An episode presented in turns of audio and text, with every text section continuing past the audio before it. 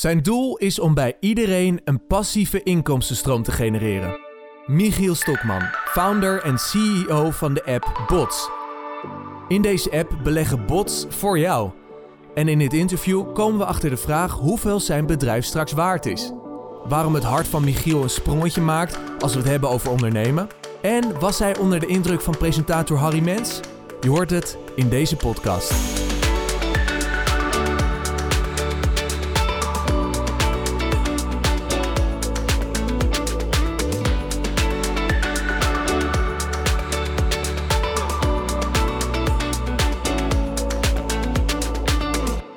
Zijn jullie echt 100 miljoen euro waard of is het gewoon een manier om je bedrijf in de spotlights te zetten? Nee, we zijn, eh, eh, wij, wij vinden dat we nog veel meer waard zijn. Maar die 100 miljoen die wordt natuurlijk gewaardeerd op bepaalde manieren. Nee, de, eh, de vraag en aanbod en door eh accountants, berekeningsmethodes. dus ja, dat is de huidige waarde. Ja. Kun je eens in Jip en Janneke taal uitleggen wat jullie precies doen met bots? Ja, we, de, de, de, de kortste zin is denk ik, wij willen de, de allerbeste beleggingsapp ter wereld maken. Eh, die dus voor iedereen heel begrijpelijk is. Maar waarbij je ook eigenlijk automatisch eh, heel erg slim en goed belegt. Dus dit, ik heb wel eens gezegd, ik wil eigenlijk Warren Buffett. De, de, de, zeggen is niet zo, maar zeggen ze is de allerbeste belegger ter wereld. Ja. Die wil je eigenlijk in een appje sturen, eh, in een appje zetten. En dat jij met één druk op de knop Warren aanzet. En dan Ja. gaat hij aan de gang voor je. Dat is eigenlijk wat we doen.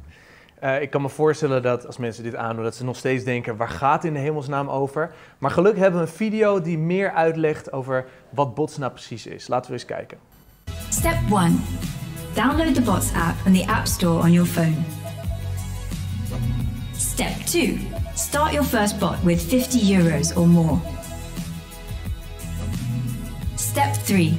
Create an account with just your phone number. Step 4. Select the bot you like. And step 5. Enjoy the bot results and withdraw at any time. Enjoy the bots results. Nou, dat is maar eh, te hopen, want je weet het nooit natuurlijk met beleggen. Zeker. Waarom hebben jullie bots in het leven geroepen? Nou, wij kwamen eigenlijk. eh, ik, heb al, ik ben al lang aan het beleggen. En eh, ben het met drie, met we zijn het met z'n drie eh, gestart. Eh, Stefan en Colin ook en ik.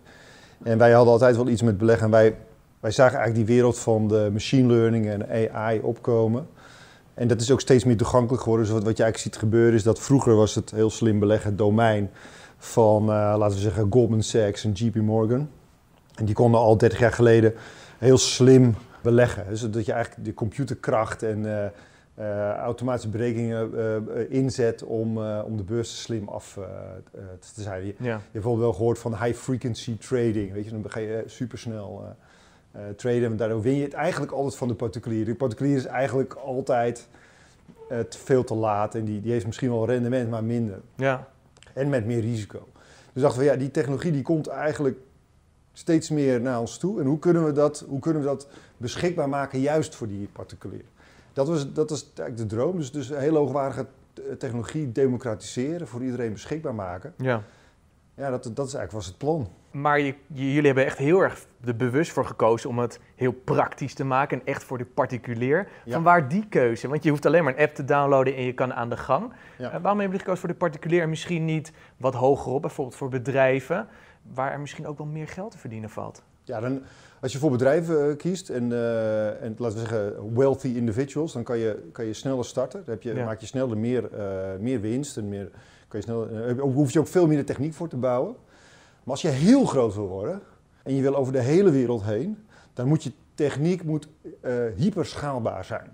Dus dat betekent dat je het voor iedereen heel makkelijk moet maken, maar dat je eigenlijk ook één machientje hebt. Laten we zeggen, zoals eh, een mooi voorbeeld vind ik altijd WhatsApp. Die, die, die hadden ongeveer de hele wereld. Nou, nee, maar heel veel mensen hadden WhatsApp en er stonden nog steeds Ja. met 25 man waren ze. Nou, wij ook ongeveer. We hebben 30 man in dienst.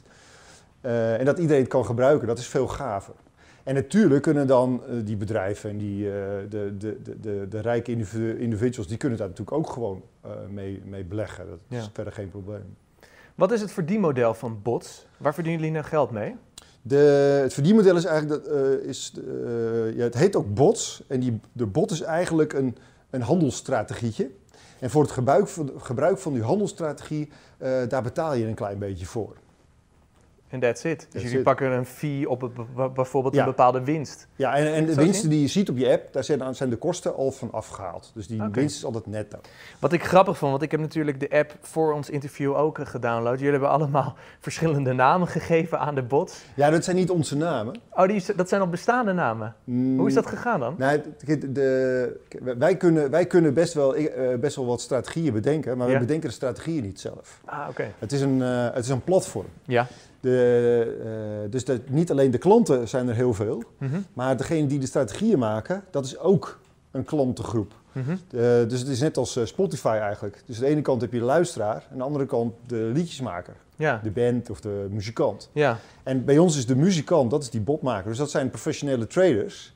Ja, en die verzinnen soms gewoon hele gekke namen. dat is het vooral. dat is het. Moet je wel eens namen controleren? Dat je denkt van, nou, dit gaan we niet doen. Ja, maar veranderen ze ook wel eens. Soms Oké. gaan ze iets te ver. Ja. Kan je een voorbeeld geven? Weet je er nog één? Nee, durf ik zo niet te zeggen. Maar dat zijn met namen die dan...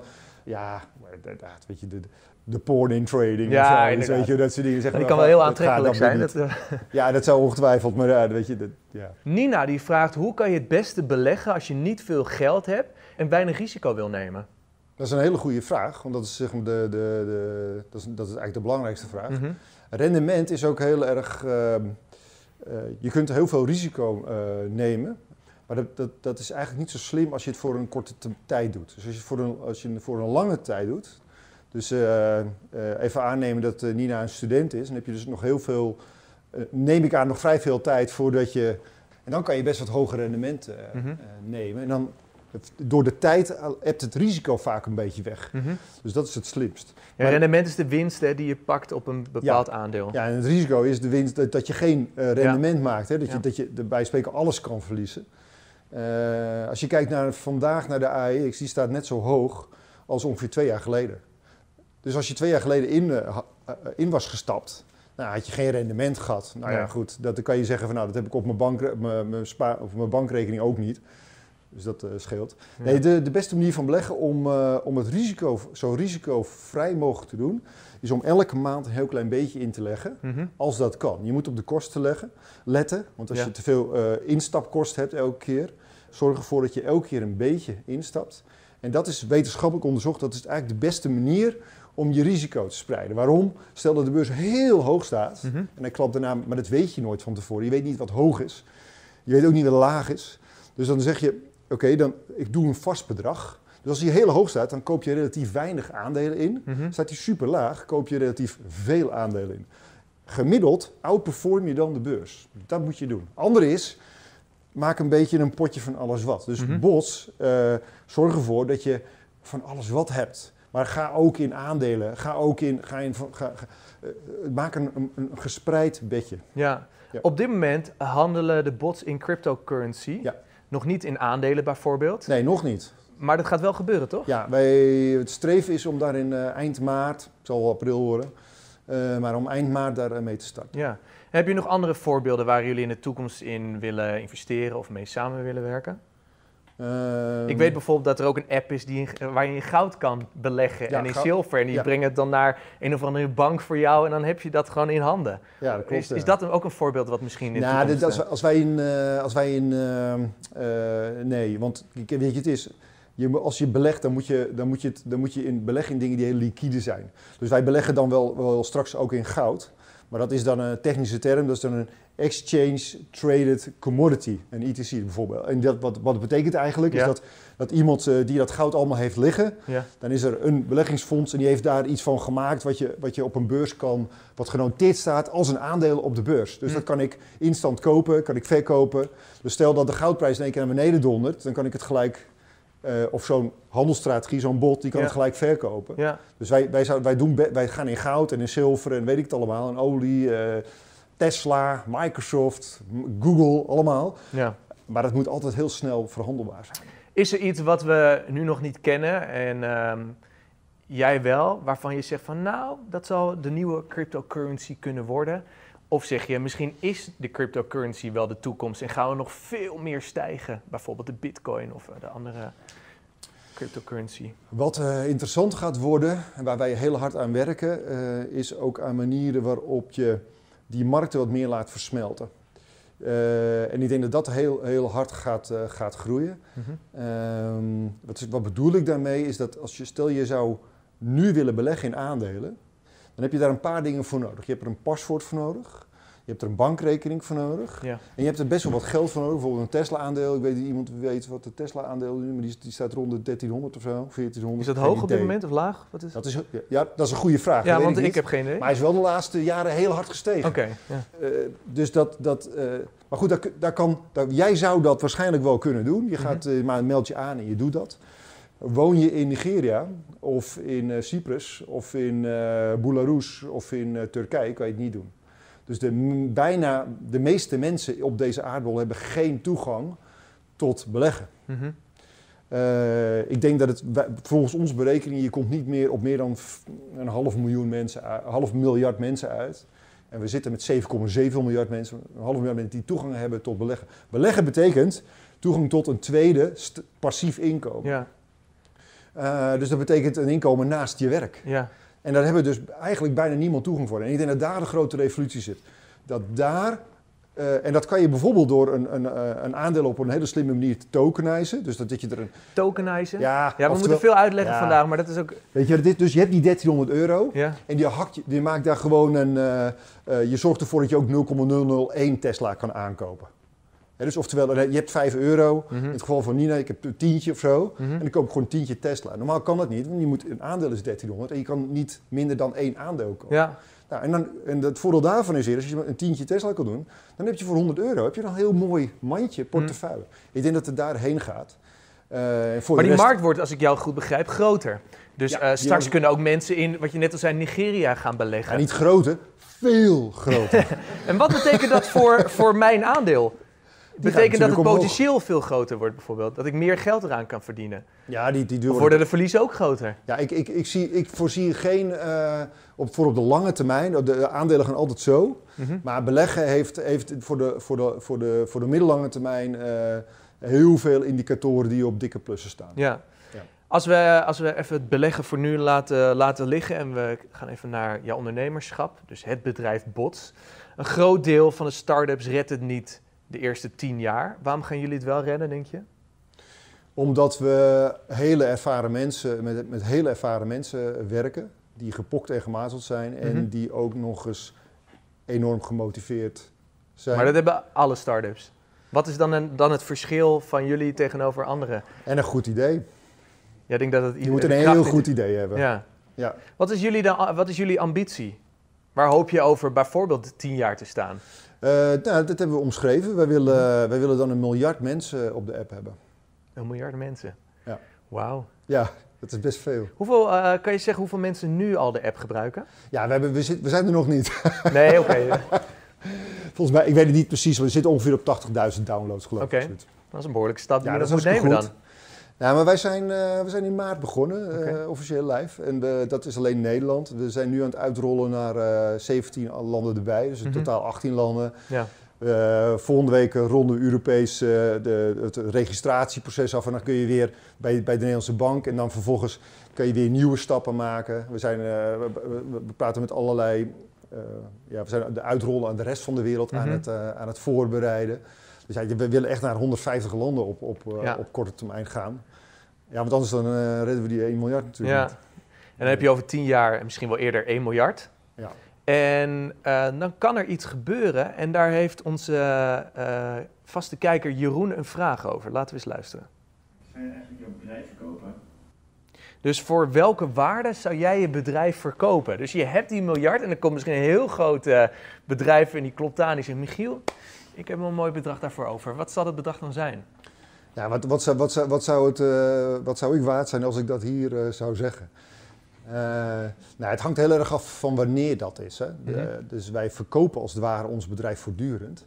Wij hebben, wij hebben steeds mensen die zich een beetje inkopen in het bedrijf.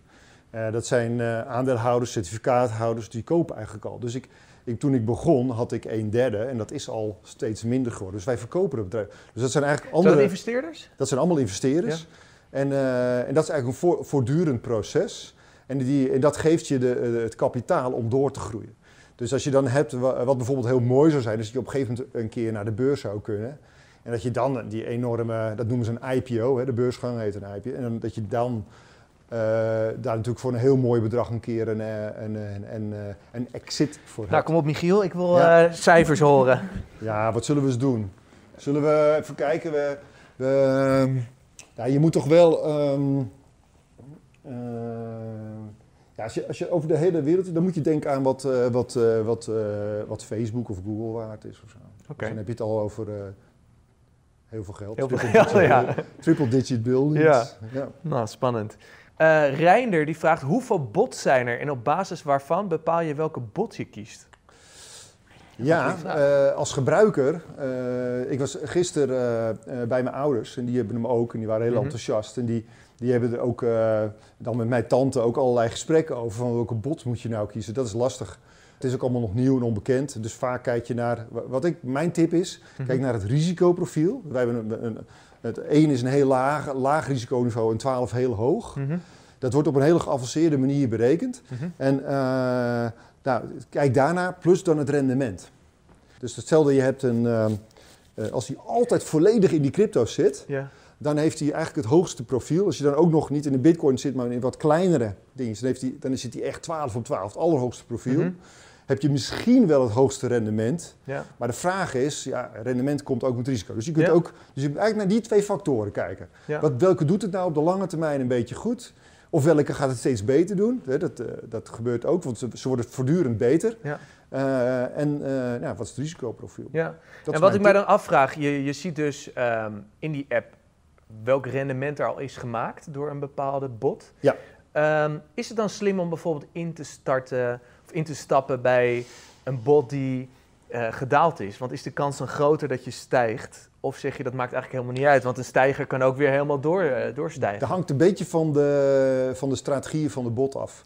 Dus je hebt, je hebt bijvoorbeeld bots die, ehm, eh, die wachten, die doen de hele tijd niks. En dan wachten ze op een, ehm, eh, de, de, de- zoals je weet is die cryptomarkt heel heftig. Mhm. Maar trouwens de andere markten ook. Dus die blijft eigenlijk een tijdje wachten. Mhm. En dan knalt hij bijvoorbeeld naar beneden, doet hij nog steeds niks. En dan gaat hij pas aankopen en dan schiet hij hem in één keer omhoog. Ja, En dan gaat hij weer bijvoorbeeld eh, delen verkopen waarvan hij denkt die zijn te hoog gewaardeerd. ja, dan gaat hij weer wachten. ja. Dus je hebt bots, daar kan je eigenlijk aan het verleden best lastig zien Ja. hoe slim ze zijn. Dus daarom zijn er ook beschrijvingen bij. Eh, we doen ook veel interviews met botmakers, die, Mhm. die we dan weer op de YouTube-kanaal zetten en op de website. En anderen die handelen gewoon heel veel op een dag. En dan kan je gewoon zien, ja, hoe goed doe je dat? En, eh, ik heb bijvoorbeeld één bot, die is tijdens de testfase in maart, want Ja. ik was al aan het skiën, naast dat corona toen uitbrak, brak ook onze website ongeveer, eh, Ja. of de website, eh, het systeem had Ja. een foutje. Oh, En dus die ging min 70. Dus dan Oh, denk je van, eh, wat is er aan de hand? Maar die staat nu alweer op plus 30. Dus het is eigenlijk een fantastische strategie die het heel, heel erg goed doet. ja. Maar hij heeft heel lang, hij heeft wel, hij heeft wel drie, vier, vijf maanden bij mij in de min gestaan. Oké. Ja. Michiel, ik krijg nog een vraag binnen van Vincent. En Vincent vraagt, maar wat moeten alle beleggers straks gaan doen als er geen werk meer voor ze is en alles is overgenomen door bots? Nou, dat is een goede vraag. Maar dat is, eh, dat is al gebeurd. Oh. Dus de eh 80, 90 procent van alle professionele beleggers, eh, dat gebeurt al met algoritmes. Hè, dus een geautomatiseerde hal- eh, handelsstrategie. Wij noemen dat bots, eh, maar dat eh, kan je ook algoritmes noemen. En eh, dat is allemaal al algoritmisch. Dus het is de professionele belegger, als hij, die, als, die als hij dat nog niet doet, dan heeft hij een probleem. Heeft hij weinig rendement. Ja. We gaan het eh, even hebben over ondernemerschap. Want naast bots ben je ook eigenaar bij het bedrijf Bootzeil.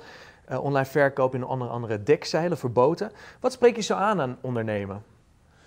Ja, de- wat ik leuk vind aan ondernemen is dat je, ehm, eh, dat je kan doen wat je leuk vindt. En terwijl je dan, dan doet wat je leuk vindt, dat je dat je, je ook enorm ontwikkelt.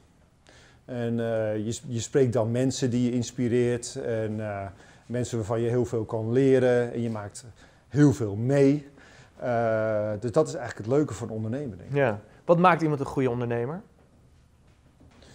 Iemand die goed met tegenslag kan omgaan, die, eh, die leergierig is en die, die je toch allemaal, die zeg maar zo'n mooie balans weet te vinden tussen ik wil het heel graag, maar dat het toch net niet te serieus neemt. Want als je het Hm. te serieus neemt, dan krijg je burn-outs en Nou ja. dan, eh, eh, allemaal dat soort. eh, dus dat, dat het wel een beetje oh, je moet het ook een beetje voor het pad doen. Hm. En niet alleen voor het eindresultaat. Mooi. Ik denk dat dat wel het ja, wat een ondernemer wel een beetje moet hebben. Ja. Ja, dat kan me voorstellen. Kun je eens een voorbeeld geven van een hele dure les die je als ondernemer hebt gehad? En ik hoop dat je er niet al te serieus in stond en dat je het ook echt ziet als een les. Maar kan je eens een voorbeeld geven? Ja, ik kan wel een goed voorbeeld geven. Ehm, ik had eh, toen ik.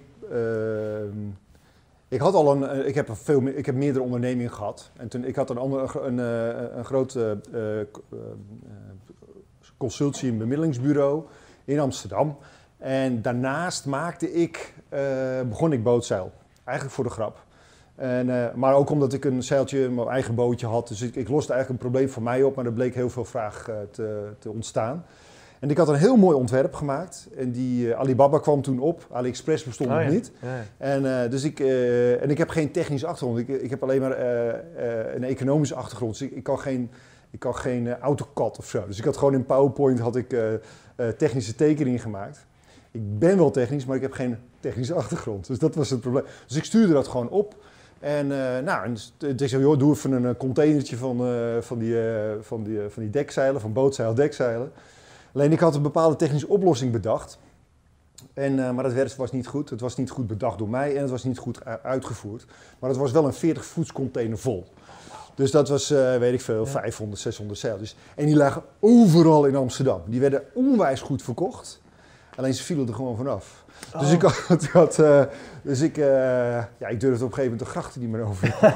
het was gewoon overal. Stond je logo erop ook? Echt heel groot. Ja? Oh, wat erg. Ja, dus dat was echt heel erg. Dus toen heb ik, een, heb ik echt heel erg hard nagedacht van hoe kan ik dit oplossen.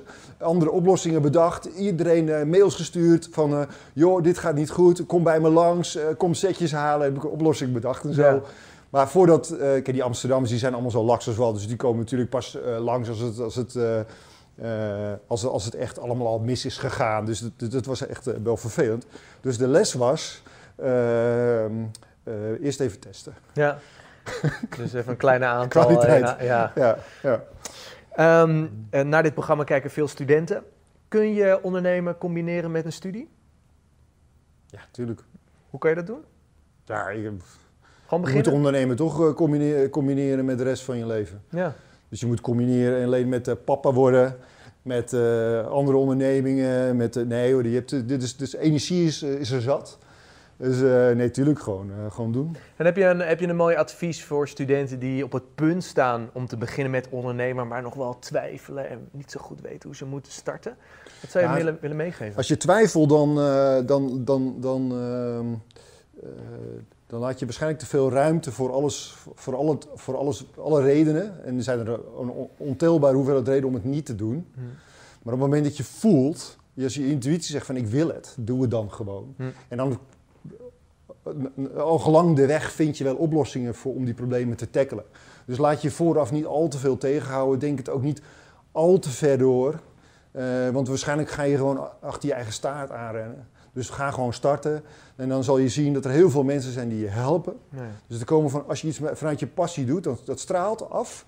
En dan zegt iemand van, joh, ik ken nog wel eh, iemand die graag van jouw diensten gebruik wil maken. Of ik, eh, ik ken nog wel een accountant. Of ik ken nog wel iemand die, die heeft wat geld, die wil wel investeren. Dat komt gewoon dan naar je toe. Ja. Mensen vinden het leuk om andere mensen te helpen. Ja, binding met in Holland is dat je ook oud-medewerker eh, bent geweest. Docent marketing Ja, marketing, management, van alles. en ook een opleidingsmanager bij Ja. Leisure Event Management in Diemen. Ja, ja. Hoe was die tijd? Nee, die, dat was een hele leuke tijd. Ja, ja. Ehm, zeker in het begin, eh, de begintijd was, dit was de opleiding, dat heette toen nog vrije tijdsmanagement. Toen kwam ik net binnen, ik eh, eh, deed dat twee dagen in de week. naast mijn bedrijf, eigenlijk om, volgens mij ja, ook gewoon omdat het leuk was. En, maar daar hadden we zoveel vrijheid. Ik had hele leuke collega's. De, de opleiding die stotterde wel eens hier en daar, maar dan loste hij dat weer op. ja. Dus dat was heel erg pionieren. Eh, ja, later was dat allemaal, eh, werd, het, eh, werd het wat zakelijker, wat meer van bovenaf gestuurd. Ges- en dat, op een gegeven moment was dat voor mij niet meer geschikt. Dat, Ja. Is dat ook een ik heb reden het altijd geweest? heel leuk gevonden. En ook doseren, heel erg leuk gevonden. Ja. Maar is, is eh, wat je nu zegt, is dat ook een reden geweest om te gaan ondernemen? Dat je gewoon wat minder afhankelijk wil zijn van bovenaf en ook de keuzes die gemaakt worden daar? Of zat het ondernemerschap er Waarschijnlijk eigenlijk wel. ook in? Waarschijnlijk wel. Hm. Maar ik heb ook wel bij bedrijven gewerkt. Ik heb bij ING gewerkt, bij Randstad gewerkt. En als een bedrijf een juiste cultuur heeft, dan, eh, dan, ehm, dan is dat heel goed te doen. Ik Ja. zou me zomaar kunnen voorstellen, dat als het net op een bepaalde manier had geland, dat ik dan ook al- als, eh, als medewerker gewoon lekker mijn dingen had kunnen doen. Ja. En is er een les die je hebt geleerd bij jouw werk eh, als opleidingsmanager bij In Holland, die jij nu meeneemt in al je bedrijven bijvoorbeeld? Of in je ondernemerschap? Ja, is dat als je. eh, ik, heb nu de, ik, ik ben de CEO van, eh, van Bots. Dus Ja. dat betekent dat ik eh, eigenlijk de, ja, het overview heb over alles. En is dat je mensen enerzijds structuur en, hè, en, de, en beslissings. Dus dat, ik, dat er iemand is die echte beslissingen maakt en die structuur geeft. eh, binnen een mooie vrije cultuur. Dus als je, als, je- als je een, een, een team weet te smeden waarin vrijheid is binnen structuren, dan kan je hard gaan en dan is het fijn werken. Dus je moet iedereen, je moet iedereen een beetje eh, domeinvrijheid geven. Dus vrijheid in wat je wil en, om Ja. jezelf je eigen dingetje een beetje Ja. in te richten. Dat is mooi dat je zo denkt, want ik denk niet dat elke manager dat eh, op die manier doet. Is dat iets wat jij eh, echt hebt moeten leren? Dus eh, is het echt een ervaring? Of zeg je, nou, maar ik heb altijd wel zo gedacht en ik vind het gewoon zelf heel erg fijn om zo te werken, dus doe ik Nou, het ik- ook in mijn organisatie. Ik vind dit, het- is daarom is de, wat ik bij in Holland wel heb geleerd. Ik, was toen, ik stuurde toen een team, team aan van. Het was, het was een groot team. Het was volgens mij eh 25, 27 mensen. Mhm. En dan heb je bijvoorbeeld een docente eh, die Engels geeft. Die heeft eh, geschiedenis of, eh, of eh, Engels gestudeerd. En die is fantastisch in het geven van les en, en, en, en de Engelse literatuur. En, alles. Ja. en als je dan een als je dan helemaal wordt ingekaderd, dus iemand is eigenlijk fantastisch, maar als je helemaal wordt ingekaderd van buitenaf en er op het laatste moment over wordt geïnformeerd, terwijl je eigenlijk niet je bijdrage kan leveren, dan kan je daar ziek van worden. Dus dat, dat, als je dat ziet gebeuren, dan, dan, dan, eh, en je leert daarvan, en je bent nieuwsgierig en zo, dan denk je van, hé, maar dat moet ik dus voorkomen. Je moet mensen niet, te, zeker niet hele slimme mensen die nieuwsgierig zijn, die moet je niet in een hokje stoppen. Nee, Daar worden ze niet beter van. nee, mooi. En neem ze dan ook niet aan. Nee, nee inderdaad. Ik, eh, ik krijg een vraag binnen van Sascha, die zegt, wat voor studie heb je gedaan en wat heb je daar nu aan? Nou, ik Vaak heb- wordt ook wel gezegd dat ondernemers geen studie nodig hebben, dat je gewoon moet gaan, maar is dat in jouw geval ook? Er zit wel wat in. Ik, Ja. ik heb de, de HES gedaan in, eh, in Amsterdam, dus ik heb in Amsterdam gestudeerd, economie. Ehm, de- wat, er, wat er goed aan is, is dat je ten eerste dat je naar Amsterdam toe gaat. dat is belangrijk. Eh, lekker op kamers. Ik had het geluk dat ik in het centrum kon wonen. Ja, precies. Eh, je gaat uit, je ontmoet mensen, dus je, je, je groeit gewoon een beetje op, je ontdekt jezelf. Dus dat is al heel erg belangrijk. En nu ont- lees ik ook heel veel nog steeds. Eh, het traint misschien je leergierigheid. Hm. Natuurlijk was ik toen veel minder leergierig eh, in wat ik kon leren van een schoolsysteem of, een, of een, op, op een, eh, op een ehm, eh, van docenten. Weet je, ik Ja. ben nu vele malen nieuwsgieriger nog dan, dan dat ik toen was, denk Ja. ik. Maar dat helpt je misschien om dat te doen. Nee, ik heb er toch wel veel geleerd. Ja, maar dan hoor ik je vooral zeggen, meer die stap naar Amsterdam en gewoon leven, nieuwe mensen ontmoeten, gekke dingen doen, Ja. fouten maken, een keer eh, lam eh, ondersteboven liggen op eh, straat. Ja, Kun je ook wel eens verder helpen. jazeker. En dan is het eh, tijd voor ehm, ja, het, het, het cadeau. Ja, Meer dan 1 miljard waard. Dat is namelijk de officiële Such Eye Sessions oorkonde voor inspirerende spreker. ja supergoed. Speciaal voor jou. Waar, eh, waar gaat hij een plek krijgen? Nou, eh, bij me, op mijn werk natuurlijk. Op je werk. Op zo'n op zo'n mooie kast. Komt het zelfs. We hebben een wall, of, een wall of fame. Oh. Waar alles zo eh, aan de muur is gespijkerd. Daar ga ik hem naast zitten. Ik, eh, ik ben heel erg benieuwd Ja. naar de foto. Dus die ga ik naar je sturen. Ik, eh, ik wil je bedanken voor, eh, voor vandaag. Eén belangrijke vraag die ik nog heb. Was het interview beter dan bij business class Harry Mens? Ja, veel beter. Ja, hè? Ja, veel beter. En jij bent gewoon als, als interviewer ook... eh, Ik ja, luister. Dat is wel een heel groot verschil Ja. met Harry Mens, hè? Duizend keer beter dan Harry. Bedankt voor het luisteren naar deze aflevering met ondernemer Michiel Stokman. Vergeet niet dat risicoloos beleggen niet bestaat. Je kunt namelijk een deel van je geld verliezen. Als je deze aflevering tof vond, abonneer op de iSessions podcast en zo blijf je op de hoogte van nieuwe afleveringen. En voor nu, een hele fijne dag gewenst.